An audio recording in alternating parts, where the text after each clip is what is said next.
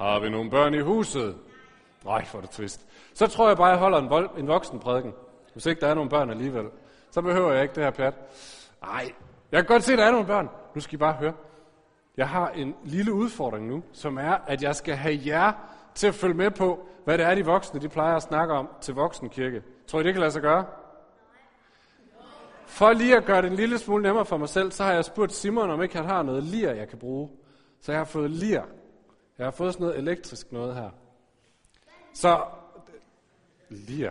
Hvad siger man nu om det? mit stash, mit, hvad siger man? Jeg ved det ikke. Jeg har fået sådan noget smart noget her. Hvad for noget? Gadgets. Hvad for nogle gadgets? Så ved jeg Godt. Øhm, vi har lige sunget den her sang om, at lyset skal nå helt ud til verden. Det er fordi Jesus han siger, jeg er verdens lys. Og alle de steder, hvor der er mørkt, det kan være mørkt også inde i hjertet, eller det kan være mørkt i humøret. Der vil Jesus nå ud.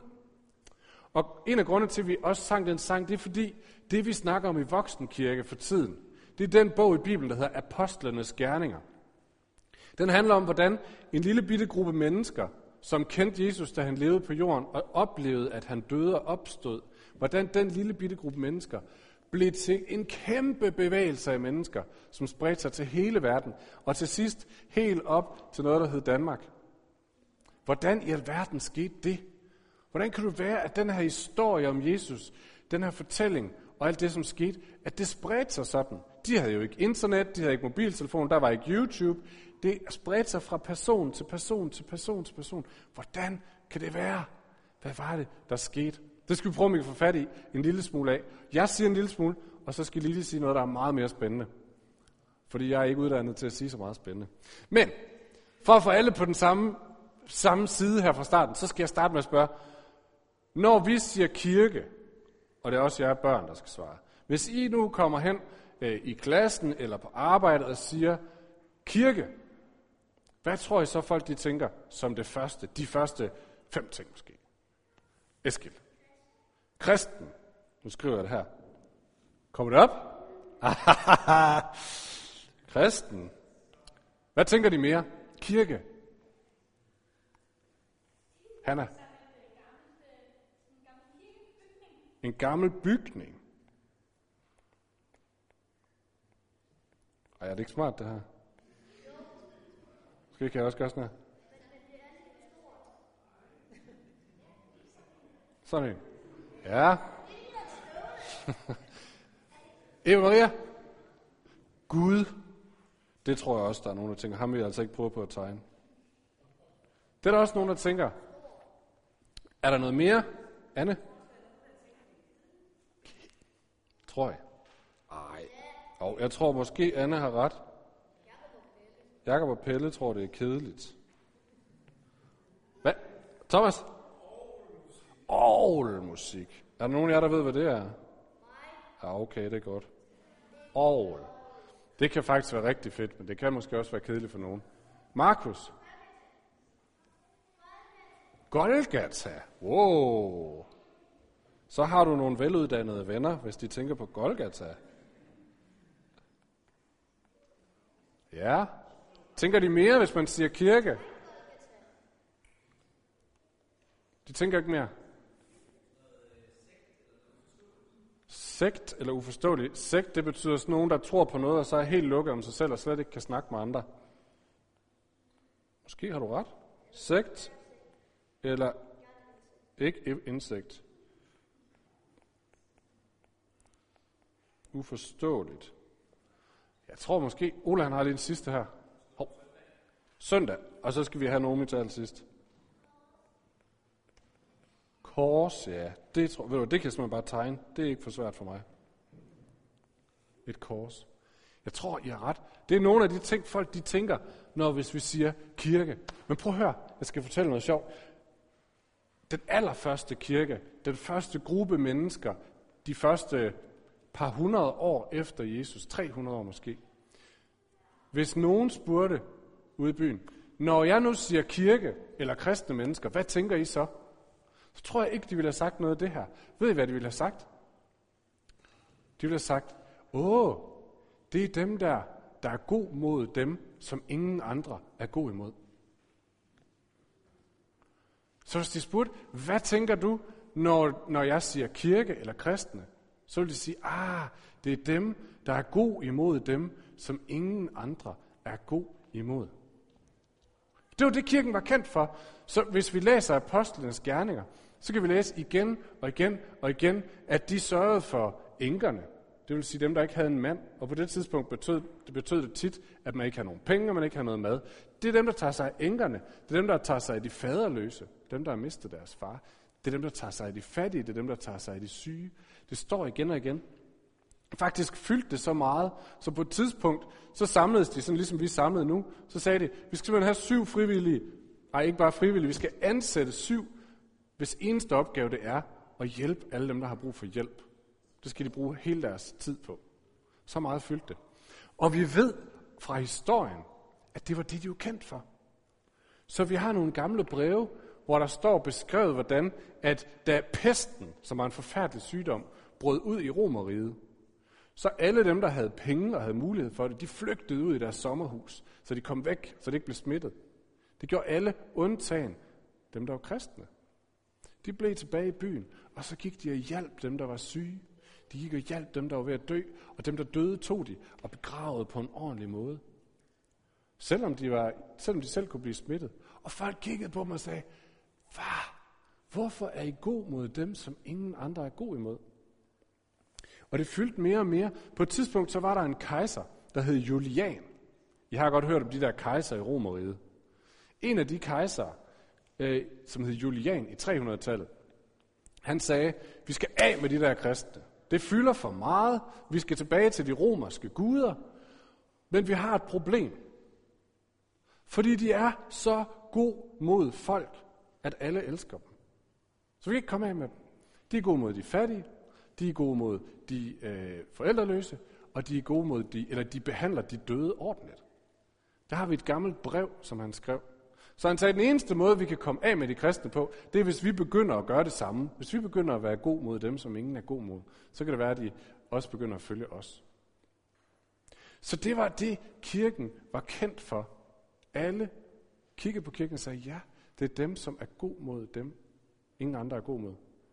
Og efterhånden betød det, at folk sagde, det har vi lyst til at høre mere om. Det har vi lyst, den Gud har vi lyst til at møde. Hvad, øh, jeg skal lige have fat i mit tech her igen, for jeg kan se, at jeg begynder at kede jer. Øhm, hvorfor tror I, de gjorde det? Hvorfor tror I, de var god mod dem, som ingen var god imod? Eskil. Bob op. Ja, du må gerne gætte.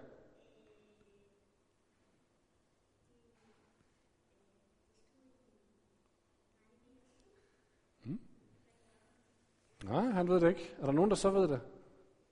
Hvorfor i alverden var den første kirke god imod dem, som ingen var god imod? Christian? For at gøre Gud glad? Ja, fordi Gud, han blev, hvorfor blev han glad for det, tror du? Hmm? Ja? Eva Maria?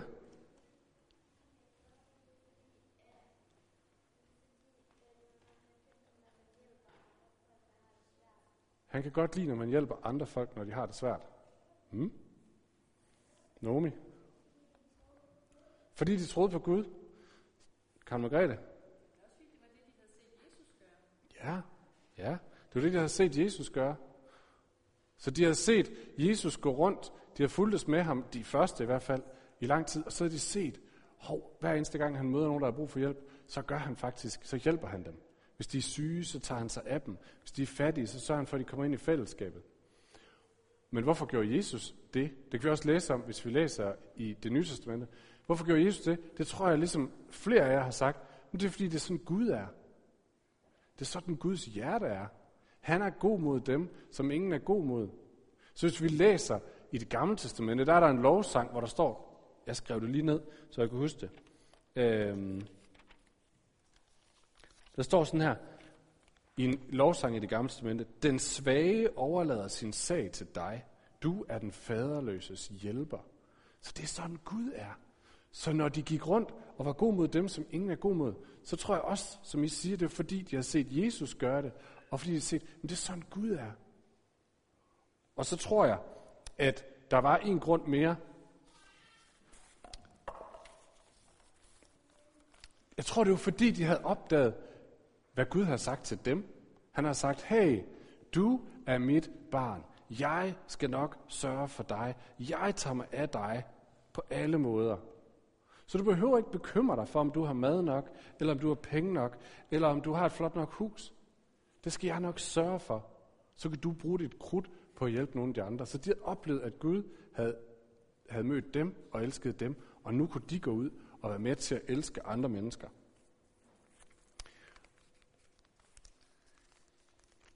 Jeg synes, det er interessant, at det var noget af det, som gjorde, at kirken bredte sig i hele verden. At folk kigger og sagde, wow, her er nogen, som ikke bare er optaget af sig selv. Her er nogen, som er optaget af andre. Hvor er det fantastisk. Det har vi lyst til at opleve noget mere af. Men nu er vi så heldige, at vi har fået besøg af Lili. Og Lili, du må gerne komme herop. Lili repræsenterer, kan man sige, nogle af dem, som siger, vi skal ud og gøre noget godt for nogle af dem, som ikke så mange andre er god mod. Jeg tror bare, jeg vil give ordet til dig. Du kan sikkert sige det mere spændende end mig. Jamen tak. Øh, Jeg har været. Jeg skal lige se, om jeg skal tænde den der mikrofon, du har fået. Måske. Det synes jeg, jeg. Det kan være lidt... Måske så bedre tændt der.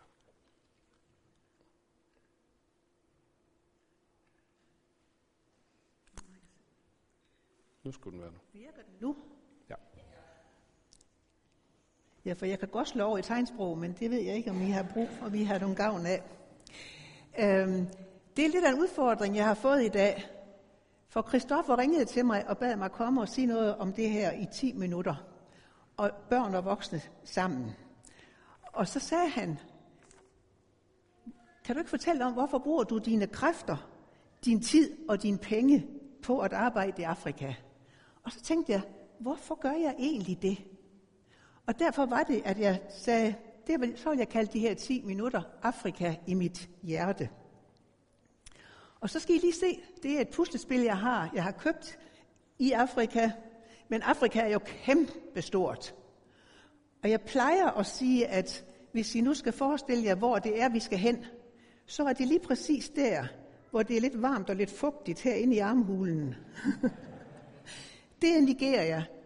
Det store land med 200 millioner mennesker.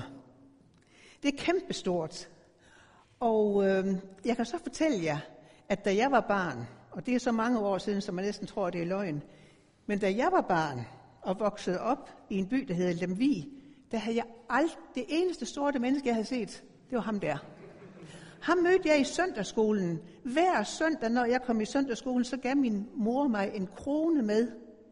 Og når vi var færdige med søndagsskolen, så stod ham der, vi kaldte ham. Det er jo næsten lige så slemt som det ord, som Hanna sagde før. Vi kaldte ham næredrengen. Og mine børn, de siger, mormor, det må du ikke kalde ham. Det kaldte vi ham dengang. Og så puttede vi en krone derned i, og han sagde altså ikke tak, din fedtsyl, men han gjorde sådan her. Han bukkede lige, hver gang vi puttede det. Var det. Jeg havde ikke set andre sorte mennesker, dengang jeg var barn. Men jeg vidste, at når jeg blev otte år og kom i anden klasse, så kunne jeg få lov til at komme i noget, der hed en Iola-kreds, en missionskreds.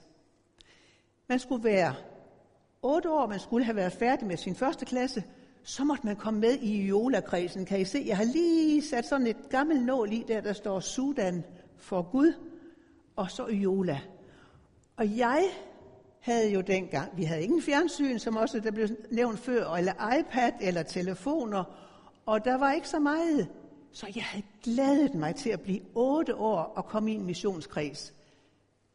Så min veninde Erna og jeg, vi tog hinanden i hånden, og så gik vi ned og bankede på døren hos fru cykelhandler Clausen. Jeg ved ikke, hvad hun hed til fornavn, men hun hed fru cykelhandler Clausen.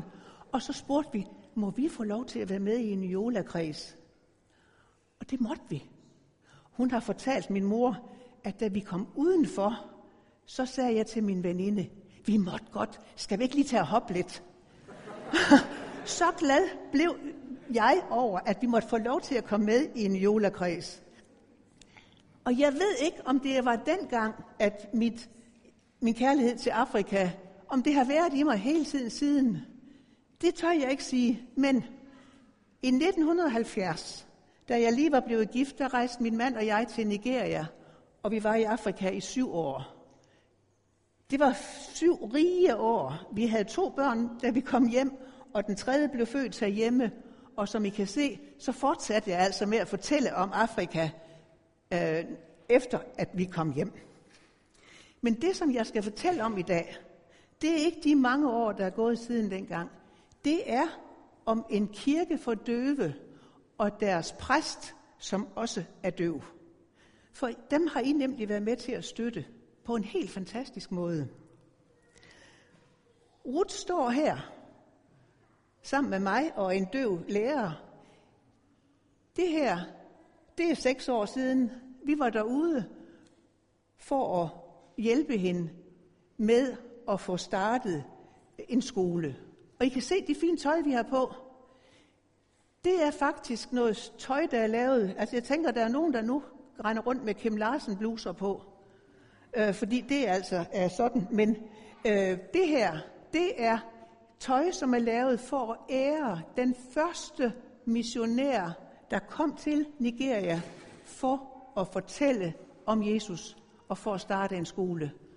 Ruth Ulea var 11 år, da hun blev syg, fik noget, der hed meningitis, og i løbet af en nat, så mistede hun hørelsen. Hun vågnede om morgenen og kunne ikke høre. Hun var så heldig, at hendes far var soldat, og, boede, og de var både lige op og ned af den skole, hvor, som den her missionær startede for 50 år siden. Og så fik man lavet sådan noget fint tøj for at ære ham. Og Ruth har foræret os tøjet. Ruth drømte om at få lov til at fortælle døve om Jesus. Det havde den første missionær tændt en ild i hende, og nu ville hun selv gerne fortælle om Jesus. Hun drømte om det. Hun blev uddannet. Hun blev uddannet præst. Men hun kunne ikke få lov til at virke som præst, for hun havde to handicaps. Hun var kvinde, og hun var døv. Året efter blev den første kvinde ordineret, men Ruth blev stadigvæk ikke ordineret og få lov til at virke som præst, ligesom Christoffer gør her. Og det var så svært for hende, for det betød, at godt nok var hun blevet leder af den lutherske kirkes døvearbejde, men hvad, hvordan skulle hun få mulighed for at fortælle om Jesus? Det fandt hun på. Uden for det lille hus, hvor døvearbejdet foregik, der var der en, en veranda. Og på den veranda holdt hun gudstjeneste hver eneste søndag. Hun havde bibeltime og fortalte døve om Jesus. De sang, og de holdt gudstjeneste der. Og så fik hun mulighed for at starte en skole, fordi der nu blev nogle lærere uddannet, og det var på den samme terrasse. Mandag til fredag var der skole, og søndag var der gudstjeneste. Jeg var derude. Efter jeg var blevet pensioneret, så havde jeg jo tid til at gøre noget der i Nigeria, så jeg kom tilbage til Nigeria i 2009 og var derude mange gange. Jeg siger til Ruth en gang, Ruth, hvad er dit største ønske? Og Ruth sagde, det ved du jo. Mit største ønske er at blive ordineret, blive rigtig præst. Sådan med præstekjole og det hele. Fordi så må jeg vi folk, så må jeg gifte dem. Så må jeg døbe deres børn, og så må jeg give dem nadver. Døve bliver ikke gift, døve får ikke deres børn, at døve bliver ikke videt, eller bliver ikke gift, de får ikke deres børn døbt, og de får aldrig nadver, for de forstår ikke, hvad der sker i en hørende kirke. Og der kan I se en glad rut. Her klapper vi, når vi er glade. Men døve klapper ikke, de gør sådan her. Så kan vi se. I kan ikke høre lyden jo, så de gør sådan her. Og Rut er så lykkelig. Og jeg spørger hende, Rut, du er så lykkelig. Ja, sagde hun så. Vi har lige fået en ny biskop. Han har gået på præstuddannelsen sammen med mig. Han ved præcis, hvad jeg kan. Nu har vi været uddannet i 20 år. Han er blevet biskop. Jeg venter stadig, men jeg tror, at Gud en dag vil gøre det, så jeg får lov til at tjene døve. Og så visker hun til mig, at der er kun én forskel på hans uddannelse og min. Jeg har bedre karakter, end han har. Og Ruth blev ordineret. I 2012 fik hun lov til. Det var som, altså, det var som en gudsgave, at hun nu fik lov til at blive ordineret efter 20 år, hvor hun havde bedt, troet og håbet på det. Da jeg rejste hjem efter ordinationen, så kom hun, og så siger hun, prøv lige at se her. Det er den tekst, som jeg skulle prædike over. Og det er den samme tekst fra Johannes evangeliet, som nogle gode venner i Danmark sendte til mig. Og der står, at den, der vandrer i lyset, skal aldrig opleve mørket, men have Jesu lys, have livets lys, som også blev sagt, da vi startede i dag. Og så siger hun til mig, og ved du hvad? Jeg er så taknemmelig over, at jeg er døv. Kan I forstå, at jeg bliver overrasket, taknemmelig over, at hun ikke kan høre, at hun er døv? Og så hun kunne se ligefrem sådan et spørgsmålstegn i ansigtet på mig. Jeg tænkte på, hvor mange gange hun er blevet bare... Folk ville ikke høre på, hvad hun sagde. Folk ville bare ikke give hende de samme muligheder som andre. Og så siger hun, ja, så taknemmelig over, at jeg er døv. Og så kigger hun på mig, og så siger hun, hvem skulle ellers fortælle om vores frelser, Jesus Kristus, til døve her i Nigeria? Det glemmer jeg aldrig.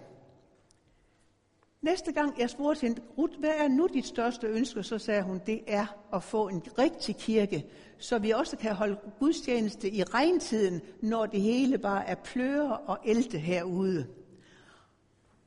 I 2014 var hun i Danmark. Der talte hun til nogle unge mennesker, og så sagde hun, mit største drøm er en kirke. Så sagde de, har du penge til det? Nej, sagde hun så, det har jeg ikke, men jeg beder om, at vor Herre giver mig det, og så tror jeg på, at det sker. Så hun startede med fundamentet. Det tog to år. Og langsomt, efterhånden som pengene kom, så kom, væg, kom murene op, så kom der tag på, og den dag, der var tag på, der samlede støve igen, og så jublede de. De jublede. Og Ruth sagde, men selvom der er tag på, vi holder ikke gudstjeneste. Vi venter til det er helt færdigt. Men der var flygtninge på det tidspunkt. Nogle, nogle mennesker, der hedder Boko Haram, huser i det område, og de var kommet og havde brændt huse af og byer af, og så sagde hun, I må komme med al jeres nødhjælp. Det kan vi huse, for vi har ikke penge til at gøre kirken færdig endnu. Og så i 2016, der står der sådan en kirke. Det er simpelthen så fantastisk. Jeg synes, det er den smukkeste kirke. Og jeg måtte derud. Selvfølgelig måtte jeg derud. Og sådan en kirke skal jo have noget indvendigt. Så jeg kan godt fortælle jer, at jeg var rundt i alle Hernings genbrugsbutikker. Og kan I se det fine fad, der er der, med druer på? Det var som om den stod og sagde, at den var lige præcis beregnet til brødet.